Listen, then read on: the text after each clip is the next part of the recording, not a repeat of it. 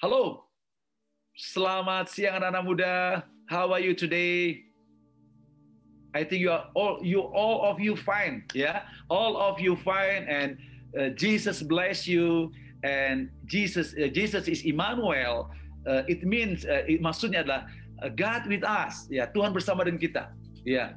Dia bersama dengan kita uh, pahami bahwa Christ in you and Christ in me is powerful and wonderful. And also dan juga not only he live in my heart but is he also abundant in our life. Amin dia tidak hanya dalam diri kita tapi dia di luar kita saudara sekalian memenuhi dan menguasai kita. Amin saudara sekalian. Sehingga apa pun yang kita alami percayalah bahwa Christ in me and Christ in you is powerful and wonderful. Amin. Yuk katakan bersama-sama Christ in me. Sekali lagi Christ in me and Christ in you is powerful and wonderful. Ya, izinkan dia membuat mukjizat-mukjizat tidak lazim justru di tengah-tengah pandemi di mana kita rasanya gak mungkin berbuat banyak seluruh sekalian, tapi kita percaya mukjizat terjadi. Mungkin kalau ada anggota keluarga mengalami isoman atau menderita sakit penyakit, saya percaya bahwa engkau menjadi anugerah dari dalam dirimu akan mengalir aliran air hidup hidup yang akan menjamah menjamah keluargamu, mengalir mengalir menjamah sehingga mereka mengalami kuasa Tuhan yang tidak terbatas. Haleluya. Amin. Antusias sekali kita ibadah pada pada siang hari ini walaupun via Zoom, tapi Allah tetap sama dan kuasanya tidak pernah berubah. Hari ini kita mau belajar bersama-sama tentang bagaimana bahwa uh, tema kita pada bulan Juni adalah bagaimana kita harus mengasihi bangsa-bangsa. Ya, bulan lalu kita belajar bersama-sama bagaimana kita mengasihi sesama, mengasihi saudara iman. Nah, sekarang spesifik kita diajar bersama-sama dan hidup bersama-sama untuk menghidupi firman Tuhan bagaimana kita menjadi orang-orang menjadi jemaat menjadi gereja yang mengasihi suku bangsa. Karena hati Tuhan adalah untuk suku bangsa, saudara sekalian, ya. Hati Tuhan untuk suku bangsa. Sehingga saudara sekalian, ha, uh, khususnya hari ini kita belajar bagaimana untuk memahami bahwa kita akhirnya mengasihi suku bangsa, kita harus memahami envisioning akhir daripada segala sesuatu. Maksudnya begini, kalau saudara-saudaraku sekalian, uh, anak-anak muda, katakanlah uh, apa uh, nonton uh, apa uh, pertandingan sepak bola, ya, terus kemudian saudara nonton dan saudara nonton semuanya sampai akhirnya katakanlah uh, grup sepak bola katakanlah Manchester United dia uh, dengan apa gitu bertanding. Terus kemudian sudah tonton mereka uh, dia menang. Manchester United menang gitu ya. Nah ketika dia menang saudara waktu nonton udah tahu ceritanya bahwa akhirnya Manchester United menang gitu nah tapi mungkin ada rekan yang tidak nonton. Nah waktu kau nonton uh, nonton siaran ulangannya karena kau belum tahu akhir ceritanya, engkau masih siapa yang menang ya atau tim saya yang saya sukai atau tidak. Jadi kau masih ragu-ragu, masih bimbang. Kenapa? Karena takut uh, takut tim kesayanganmu kalah gitu loh. Tapi yang bagi sudah nonton nggak masalah karena kenapa? Karena sudah tahu Manchester United menang kira-kira demikian.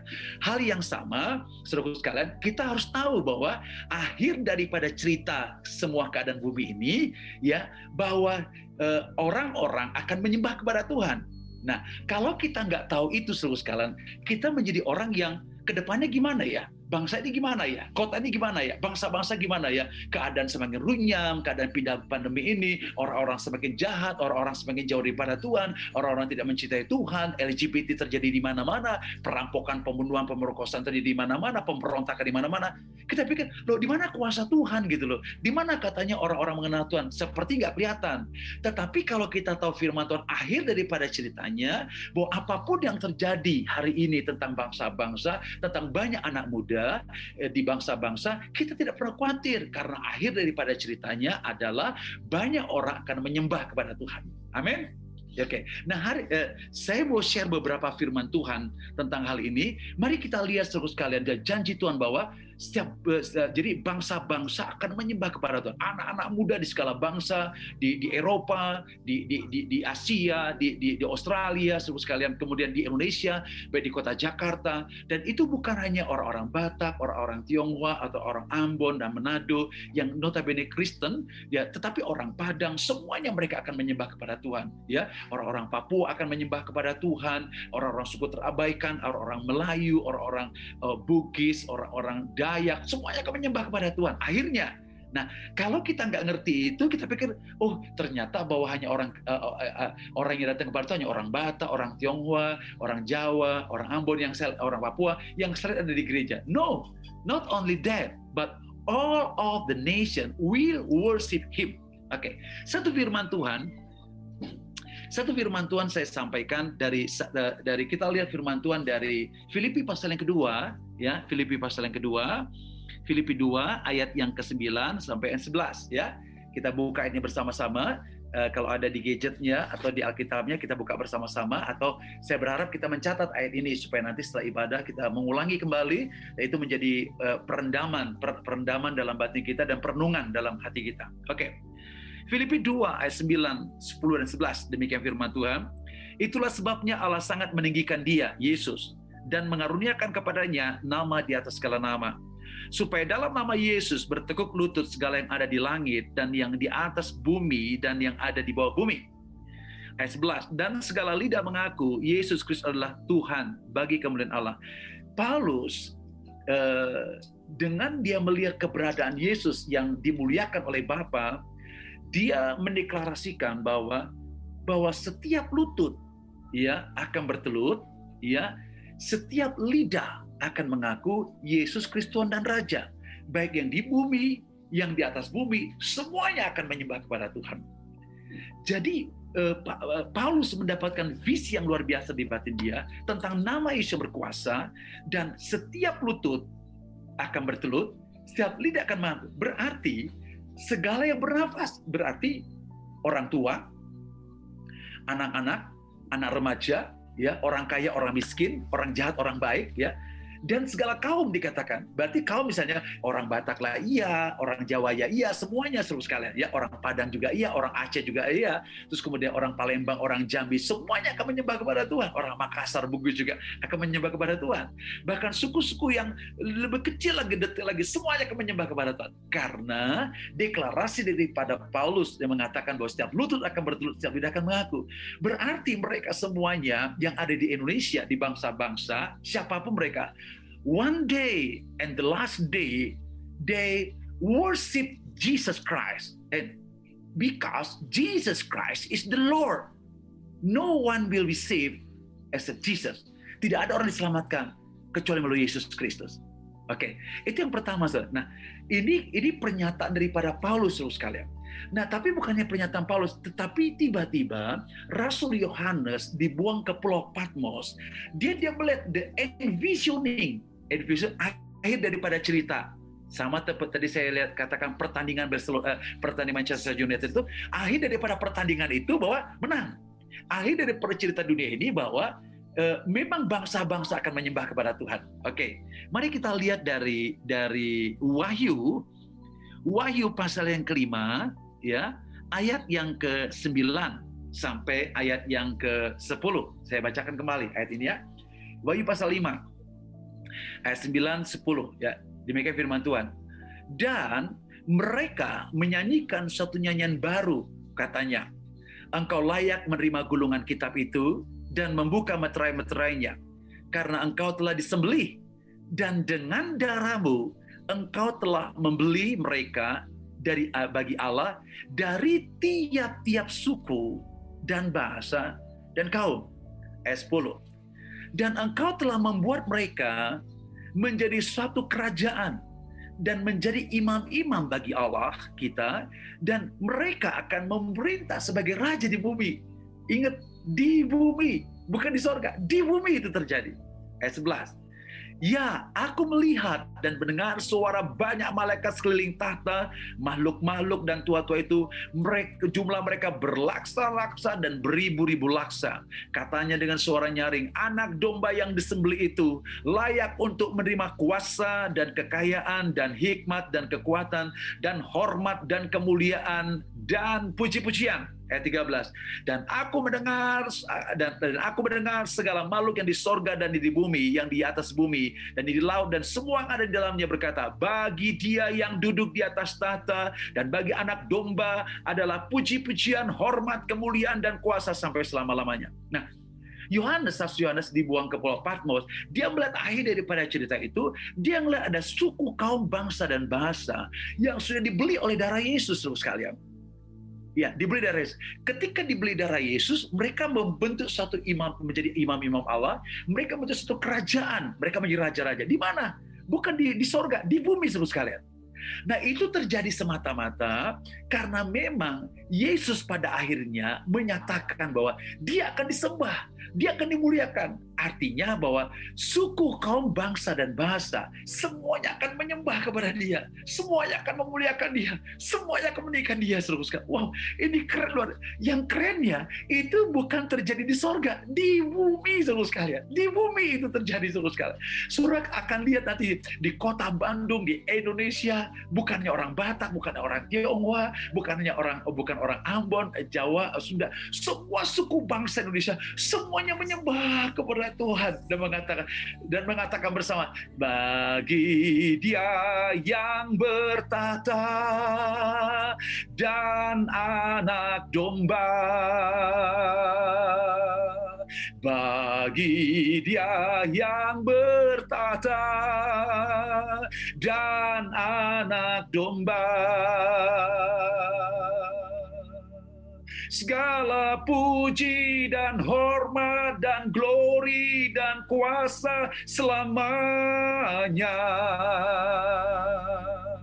Segala puji dan hormat dan glory dan kuasa selamanya.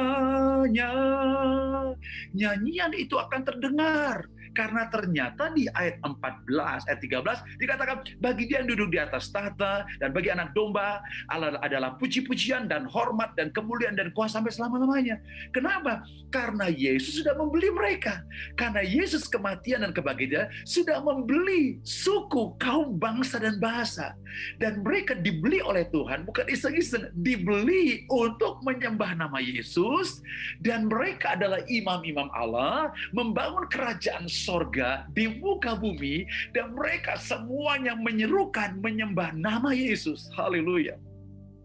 Keren. Nah, saya bukakan kembali dalam Wahyu pasal yang ketujuh, ya. Wahyu pasal yang ketujuh, ayat 9 dan 10, sama juga. Tadi mereka sudah dibeli dan mereka semuanya memuji menyembah Tuhan. Mereka berhak untuk memuji Tuhan. Mereka layak menyembah Tuhan karena sudah dibeli oleh darah Yesus. Nah, Wahyu pasal 7 ayat 9 dan 10, saya sampaikan kembali ayat ini, ya.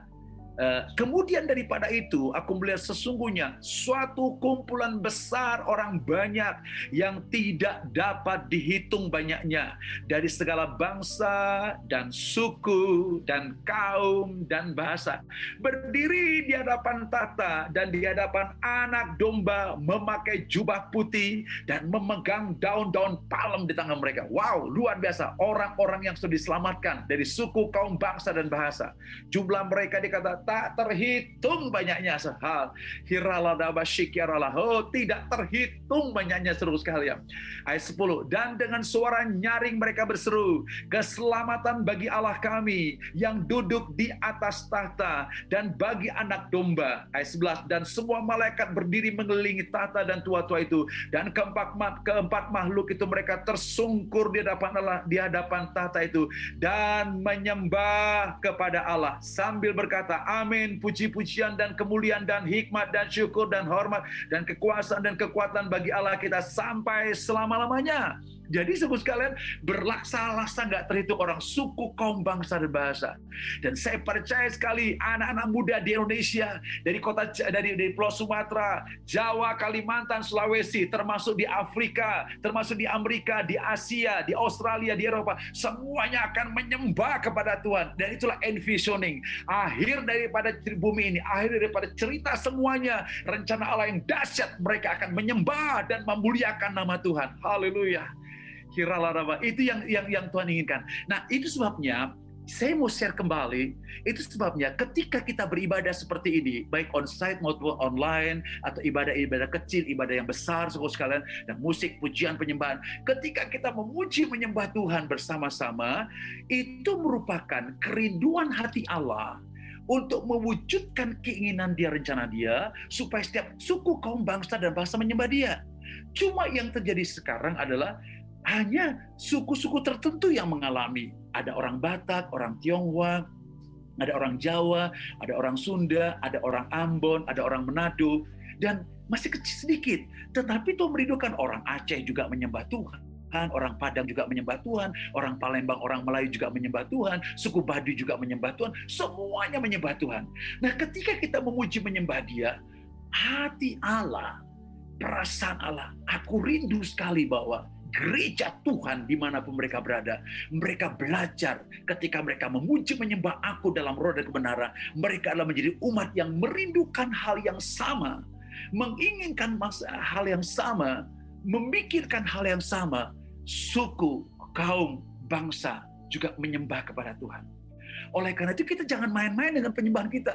Kita jangan menjadi orang yang yang resek untuk menyembah Tuhan. Kita menjadi orang yang yang yang yang nggak serius menyembah Tuhan. Karena kenapa? Karena ketika kita melakukan itu, kita sedang mendeklarasikan bahwa di belakang kita ada ribuan, ada banyak orang yang tidak terhitung dari suku kaum bangsa dan bangsa, anak-anak muda yang akan menyembah Tuhan.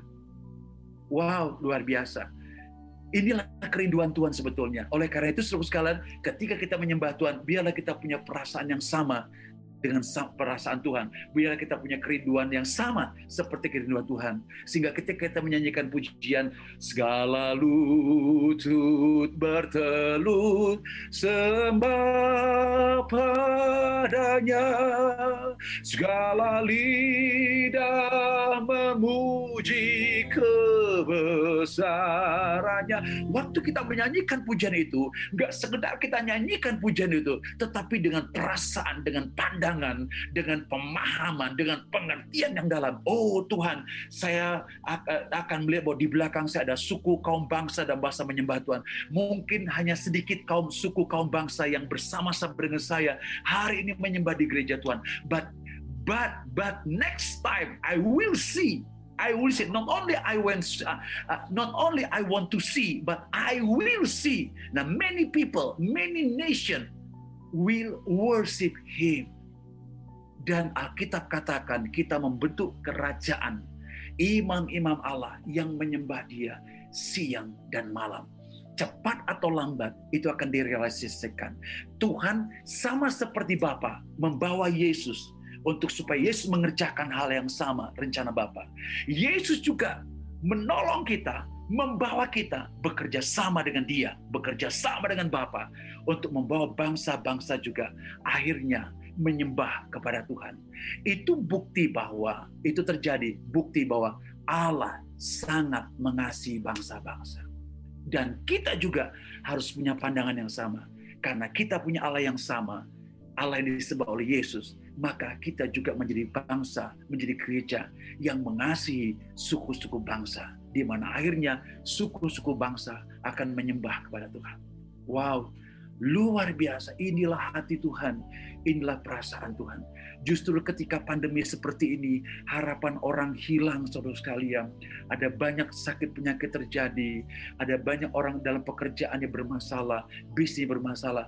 Tapi kita menjadi orang-orang dalam perlindungan Tuhan. Walaupun ada saudara iman yang mengalami mengalami sakit penyakit dan dipanggil oleh Bapa, tapi mereka punya tempat di sorga. Tapi orang-orang lain yang tidak mengenal Bapa, nggak mengenal Yesus, mereka tidak punya tempat yang jelas. Ada ketakutan, kecemasan, ketidakmenangan penentuan masa depan mereka. But in Christ, dalam Kristus, kita melihat kemuliaan Tuhan menyertai kita. Nah kalau gitu seteruskan selain kita dalam penyembahan yang benar kepada dia, yang yang tadi saya katakan segala lutut bertelut sembah padanya atau kita nyanyikan bersama-sama uh, uh, kita menyanyikan bagi dia yang bertata dan anak domba. Kita tidak sendiri, kita bersama-sama dengan mereka seluruh sekalian. Kita juga bisa mengatakan haleluya. Haleluya. Bagi anak domba yang duduk di tata haleluya. Haleluya. Bagi anak domba berkuasa selamanya. Nyanyian-nyanyian yang saya nyanyikan tadi, kita akan mengalami ke depan. Tapi sebelum kita mengalami realita demikian, kita mulai dalam pujian penyembahan bersama dengan umat Tuhan dengan catatan di belakang kita ada banyak suku kaum bangsa akan menyembah Tuhan. Sekarang belum memenuhi kuotanya, maka Tuhan belum datang. Tapi kita merindukan masa itu boleh terjadi, waktu itu terjadi. Kenapa? Kita mulai menggenapi isi hati Tuhan. Nah sebelum saya tutup, nah kalau gitu apa yang menjadi bagian kita selain tadi katakan bahwa dengan pujian penyembahan yang benar kita pahami. Apa menjadi bagian kita? Nah poin lanjut terus sekalian, mari kita lihat di dalam, mari kita lihat firman Tuhan dari Mazmur, Mazmur pasal yang kedua, ya, Mazmur pasal yang kedua, Eh, bagaimana kita bisa bagaimana apa menjadi bagian kita untuk mewujudkan cita-cita Tuhan ya. Mari kita lihat dari Mazmur 2 ayat yang ke-8. Dia katakan ini, mintalah kepadaku. Ya, dia firman Tuhan mengatakan, mintalah kepadaku, maka bangsa-bangsa akan kuberikan kepadamu menjadi milik pusakamu dan ujung bumi menjadi kepunyaanmu Eh, Mazmur 2:8 dikatakan, "Mintalah kepadaku, maka maka bangsa-bangsa akan kuberikan kepadamu sebagai milik pusakamu dan ujung-ujung bumi menjadi kepunyaanmu." Jadi poin pertama, selain tadi kita menyembah Tuhan, kita harus berdoa bukti bahwa kita mengasihi Tuhan, mengasihi bangsa-bangsa supaya mereka diselamatkan. Kenapa kita perlu berdoa? Supaya hati kita dipenuhi belas kasihan. Poin yang kedua, supaya belas kasihan Allah menjamah mereka. Poin yang ketiga, supaya ketika kita berdoa, segala kuasa kegelapan yang membutakan pikiran mereka, yang menutupi hati mereka, sehingga mereka tidak melihat cahaya Injil kemuliaan Tuhan, itu dipatahkan semuanya, sehingga hati mereka mulai lapar dan haus akan Tuhan. Saya mau mau share bagi berkat ya tentang hal ini. Saya punya teman kuliah waktu tingkat satu, nah, dia dia dia, eh, dia tingkat satu dia adalah orang Padang. Walaupun namanya namanya nama Kristen Kennedy. Ya Kennedy A N ya, ya gitulah. Nah Kennedy. Nah terus kemudian uh, saya sahabat dekat dengan dia dekat dengan dia sangat dekat. Jadi uh, belajar bareng dan sebagainya. Nah saya punya catatan buat dia. Jadi jadi dia kadang-kadang kuliah kadang enggak uh, saya punya textbook, saya punya catatan. Catatan saya bagus ya, rapi, tulisan saya juga rapi. Nah, di catatan itu selalu saya isi uh, tulisan saya dan saya isi traktat ya. Selain traktat saya isikan juga ada ayat-ayat Alkitab itu. Terus kemudian dia bilang begini, "Yo, Uh, kamu mau jadiin saya uh, Kristen? Oh enggak, saya bilang, lah itu itu pribadi saya. Kamu pinjam catatan saya, ya silakan nggak apa-apa. Tapi begitulah model catatan saya gitu. Jadi bukan hal-hal yang nggak benar tetapi ada ayat firman Tuhan ada tulisan-tulisan uh, tulisan firman Tuhan ada, ada traktat di situ. Dan saya tidak tidak tujuan untuk beritakan aja kepada dia tapi saya memberitahukan lah inilah saya gitu loh. Kalau kamu pinjam silakan. Nggak juga nggak apa-apa. Nah tapi karena dia tidak mencatat dia pinjam pinjam pinjam. Nah pinjam. Terus kemudian sampai satu ketika uh, saya kaget gitu kamu berasal dari mana? Terus dia bilang ini saya orang Padang. Wih, saya bilang jarang-jarang ya, jarang-jarang orang Padang. Saya cerita dengan dia baik, dengan dia ngobrol dan sebagainya. Sampai satu ketika, uh, sampai satu ketika dia bilang gini, yuk tolong dong uh, cerita tentang Yesus kepada saya. Saya ceritakan panjang lebar. Dia, waduh nggak enak yuk soalnya uh, keluarga saya itu kan uh, uh, uh, bukan Kristen. Oh nggak apa-apa, nggak apa-apa. Pokoknya kamu nanya, saya jawab gitu. Nah sampai satu ketika, satu ketika terus kalian, atau ketika uh, tingkat satu, tingkat dua, tingkat tiga. Nah, pas tingkat tiga akhir, saya jarang ketemu dengan dia karena dia banyak ketinggalan mata kuliahnya, sehingga nggak pernah ketemu. Nah, di samping tidak ketemu, ternyata dia sakit terus kalian. Dia sakit, dia kena gagal ginjal. Nah, saya aduh Tuhan nih, saya takut sekali kalau dia meninggal dunia dan apa yang terjadi. Tapi akhirnya seluruh sekalian, uh, du, uh, dulu nggak punya HP seperti zaman sekarang ya. Jadi saya harus ketemu dengan dia, ngobrol dengan dia. Sempat saya ketemu dengan dia di tempat kos-kosannya, saya ceritakan tentang Injil kepada dia. Ya yuk uh, uh, doain saya supaya saya sembuh gitu loh. Nah, tapi terakhir seluruh sekalian, uh, dengar pengumuman di di papan pengumuman di kampus, ternyata berita bahwa kakaknya juga kena. Nah, dia juga kena sakit ginjal juga dan terus kemudian ada rencana di rumah sakit uh, Hasan Sadikin dia mau operasi ginjalnya kasih ke kakaknya gitu loh. Jadi salah satu meninggal kira-kira begitu. Jadi satu karena dia gagal ginjal satu ginjal satu kasih kakaknya supaya kakaknya jadi pulih gitu. Nah tetapi akhirnya dia nggak jadi di, di di rumah sakit uh, Hasan Sadikin pindah ke ke ke mana ke RSCM Jakarta. Nah singkat cerita ternyata ya itu sangat menyedihkan. Kakaknya nggak jadi dioperasi karena kedua meninggal dunia dia juga akan dioperasi Jakarta, nggak jadi, dan dia meninggal dunia. Saya sedih sekali, sedih sekali, sedih sekali. Saya sedih sekali. Tapi apa yang terjadi, saudara? Tuhan itu luar biasa menurut saya. Ternyata saya dapat mimpi, saudara. Mimpi bahwa dia bilang ini, yo, kamu tenang. Saya sudah saya, saya sudah seiman dengan kamu. Tetapi banyak orang-orang suku saya yang belum percaya kepada yang kamu imani saya itu ingin sekali bahwa mereka boleh percaya kepada Tuhan karena saya sudah mengalami, saya sudah tenang, saya sudah mendapatkan sukacita, begitu. Nah, benar sekali. Ternyata setelah itu terjadi, ada teman yang ngecek, teman dekat, terus kemudian nanya dia, oh dia percaya banget dengan Isa gitu loh, dia percaya dengan Yesus gitu. Walaupun sebetulnya saya nggak dengar gitu loh, cuma udah berkali-kali saya injili. Nah sampai akhirnya baru saya ngerti, ternyata uh, buku catatan saya sampai dia meninggal dunia, dia nggak balikin itu dipegang sama dia, isinya dipegang dia baca ulang-ulang, akhirnya dia bertobat di situ. Nah, waktu saya dengar itu, oh my God, thank you ya Tuhan ya.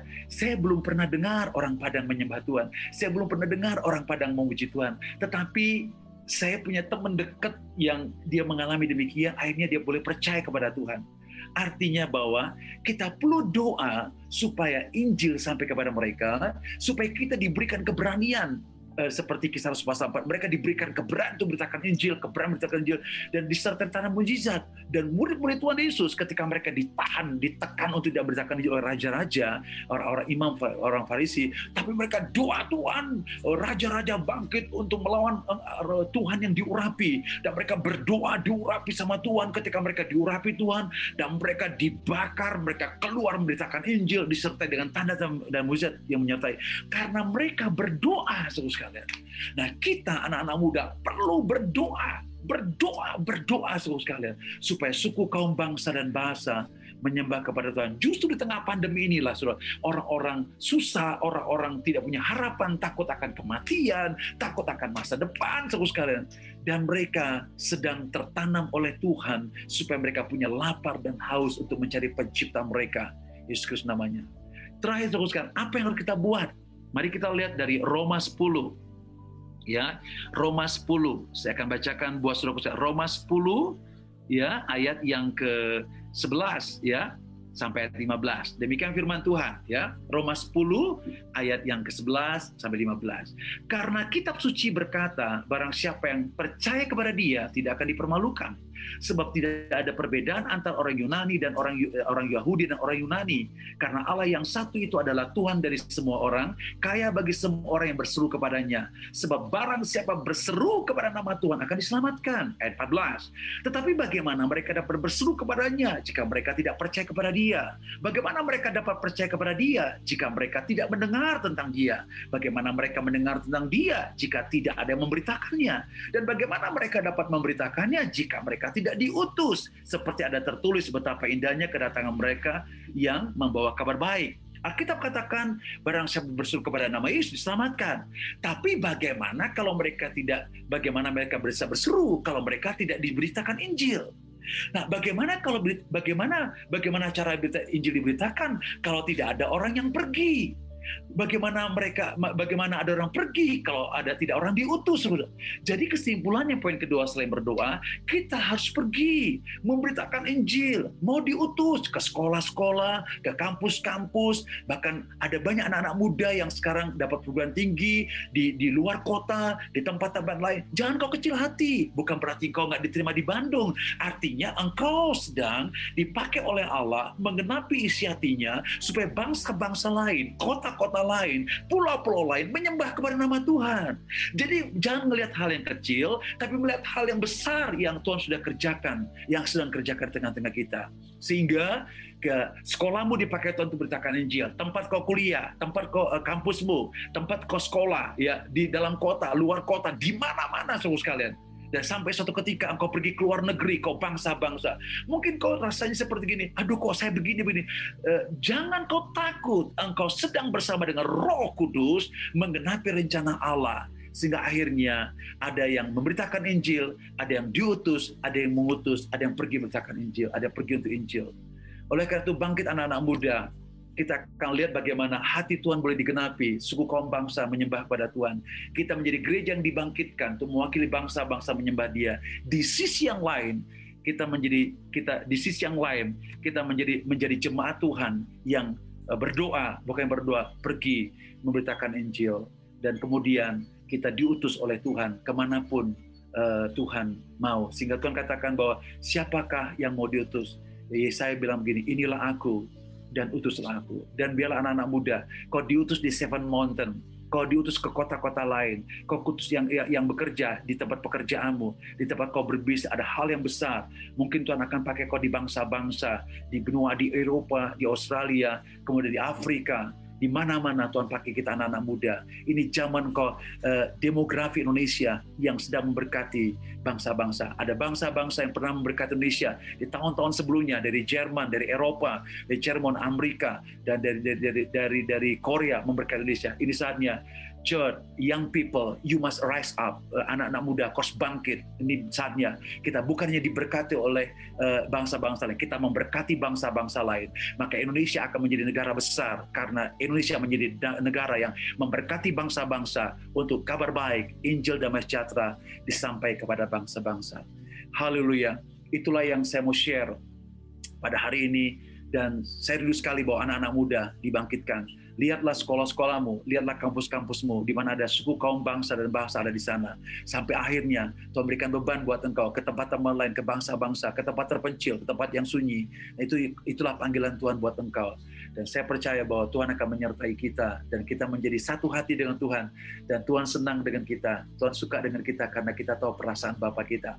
Sama seperti Yesus tahu perasaan Bapaknya sehingga dia mati di kayu salib untuk keselamatan banyak orang. Hal yang sama, Tuhan senang dengan kita karena kita mengetahui hati Yesus dan kita bersatu dengan hati Bapa. Kita nggak ngelihat Bapa, kita belum ketemu dengan Bapa, tapi kita percaya kepada Yesus dan kuasa Roh Kudus. Kita sedang berkolaborasi dengan Allah Bapa, Allah Anak Roh Kudus untuk bangsa-bangsa diselamatkan. Seberapapun kekuatanmu, karena kita sedang menggenapi kuota jumlah suku kaum bangsa dan bahasa yang akan menyembah kepada Tuhan. Haleluya.